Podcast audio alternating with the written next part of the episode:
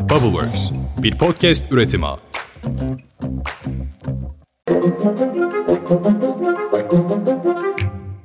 Merhaba, bugün 1 Şubat 2023. Günaydın hepinize. Bir çarşamba sabahından ve karlı bir Ankara'dan herkese merhaba. Pushholder ve Bubbleworks Media ile beraber hazırladığımız Dünya Haline hepiniz hoş geldiniz. Bu arada bugün itibarıyla seçime artık sadece 102 gün kaldı. Hadi başlayalım.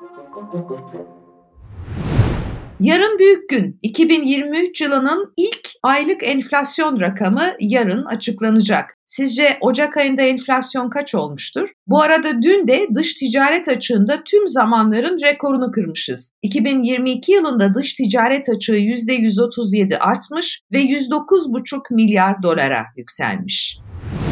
Devlete olan tüm borçları kapsayan borç yapılandırma yasa teklifi Meclis Plan Bütçe Komisyonu'ndan geçti. AK Parti'nin meclise getirdiği borçlara yönelik yapılandırma kanun teklifi 521 milyar liralık alacağı kapsayacak. Yapılandırmadan yararlanabilecek borçlu sayısı ise 14 milyonu aşıyor. 2000 lirayı geçmeyen toplam 4,6 milyar liralık borç silinecek.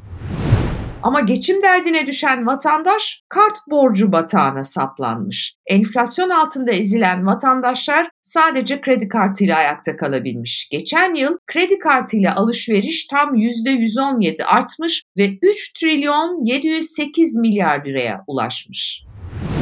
Ekonomi önemli çünkü herkes gerçekten de geçim derdinde ama Ankara ekonomi kadar siyasette konuşuyor. Dün mecliste grup konuşmaları vardı malum salıydı günlerden. MHP Genel Başkanı Devlet Bahçeli Sinan Ateş suikastinin ardından partisine yönelik eleştiri ve suçlamalara bir kez daha tepki gösterdi. Bahçeli sürekli körüklenen karalama kampanyalarının müteahhitlerinin zamanı geldiğinde burunlarından fitil fitil getireceğimizi herkes bilmelidir. Hepsine birden meydan okuyorum dedi. Partideki istifalar hakkında da konuştu Bahçeli. Bakın ne dedi. Bıyığını kesmiş ayrılanlar var.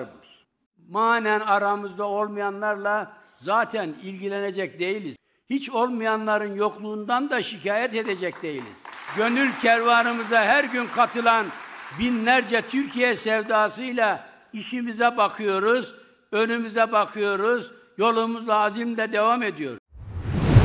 Zafer Partisi kurucu genel başkanı Profesör Ümit Özdağ adaylık için ismi geçen Ankara Büyükşehir Belediyesi Başkanı Mansur Yavaş'a seslendi. Cesur davranmanın zamanı geldi de geçiyor. Ümit Özdağ'ın bir yerel kanalda yaptığı bu açıklama kullandığı üslup nedeniyle tepki de çekti. Duyalım. Benim kadar Mansur Bey kendisini desteklemiyor. Tamam, ama benim de bir sınırım var. Mansur Bey aday olmak istemiyorsa olmak istemiyor ne yapalım? Ben belediye başkanı olarak kalıp İstanbul'un, Ankara'nın çöplerini temizleyeceğim diyorsa tamam o da onun meselesi. Ama Cumhurbaşkanı olmak aynı zamanda bir iddiayı gerektirir. Sayın Mansur Yavaş'ın bu iddiayla Türk halkının önüne çıkıp destek istemesi lazım. Ben Kemal Bey'den izin almadan Cumhurbaşkanı adayı olmam. E, kusura bakmayın. Eğer Kemal Bey'den izin almadan Cumhurbaşkanı adayı dahi olamıyorsanız o zaman bu ülkeyi yönetme iddiasına zaten sahip olamazsınız. Ankara'da genel merkezlerde masalara anket üzerine anket konuyor. Bir ankette AK Parti Genel Başkan Yardımcısından Profesör Mustafa Şen yaptırdıkları son anketlere göre AK Parti'nin %41-42, Erdoğan'ın ise %52 oy oranında olduğunu söyledi.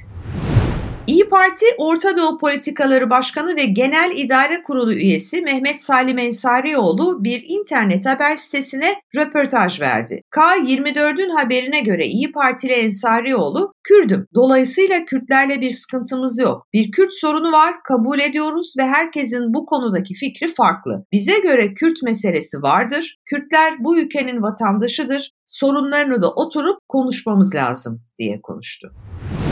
6 yaşında istismar davası ya da HKG davası nedeniyle Türkiye yeniden istismar suçlarını konuşmaya başladı. Açıklanan son yargı verilerine göre çocuğun cinsel istismarı için açılan dava sayısı 2002 yılında 4592'ymiş ve bu rakam 2021 yılında yani geçen 19 yıl içerisinde 4 misli artarak 20.549'a ulaşmış. Bir vahim istatistik de bireysel silahlanmaya dair. Umut Vakfı'nın 2022 Türkiye Silahlı Şiddet raporu açıklandı. Rapora göre geçen yıl medyaya 3984 silahlı şiddet olayı yansıdı. Bu sadece medyaya yansıyanlar bu arada. Ülke genelinde yaşanan silahlı şiddet olaylarında 2278 kişi hayatını kaybetmiş. 4231 kişi de yaralanmış.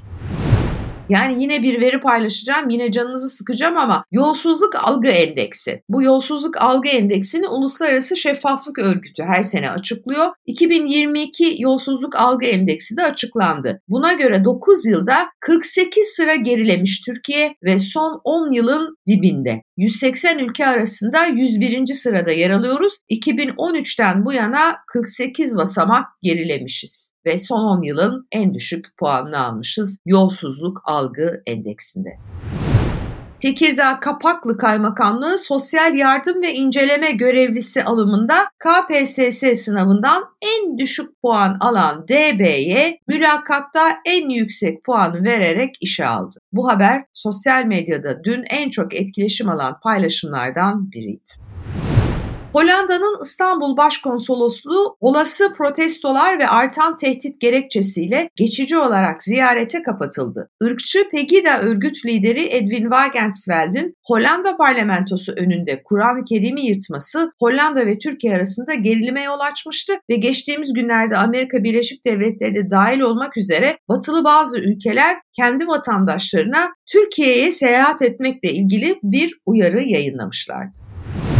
Rusya Dışişleri Bakanı Sergey Lavrov bir açıklama yaptı ve İran'ın Türkiye ile Suriye arasındaki ilişkilerin iyileştirilmesi sürecine dahil olması konusunda anlaşmaya varıldığını bildirdi. Bu önemli çünkü biliyorsunuz uzun süredir Moskova, Kremlin yönetimi Erdoğan'la Esad'ı aynı masada oturtmaya ve süreci bir barış sürecine, bir yeniden çözüm sürecine evrilmeye çalışıyor. Şimdi bu mutabakatın içine İran da girmiş. Hatırlayalım zaten Esed Esad olmuştu ve Cumhurbaşkanı Erdoğan'la Esad'ın bir masada bir araya gelmesi için diplomatik çalışmalarda başlamıştı. Bugünün gündemi böyle. Şubat ayı umarım güzellikler getirsin. Sizin için iyi haberler getirsin. Yarın sabah yine erken saatte kim bilir Türkiye'nin hangi köşesinde belki de kar yağarken kulaklarınıza dünyanın ve Türkiye'nin halini anlatmaya devam edeceğim. O zamana dek hoşçakalın.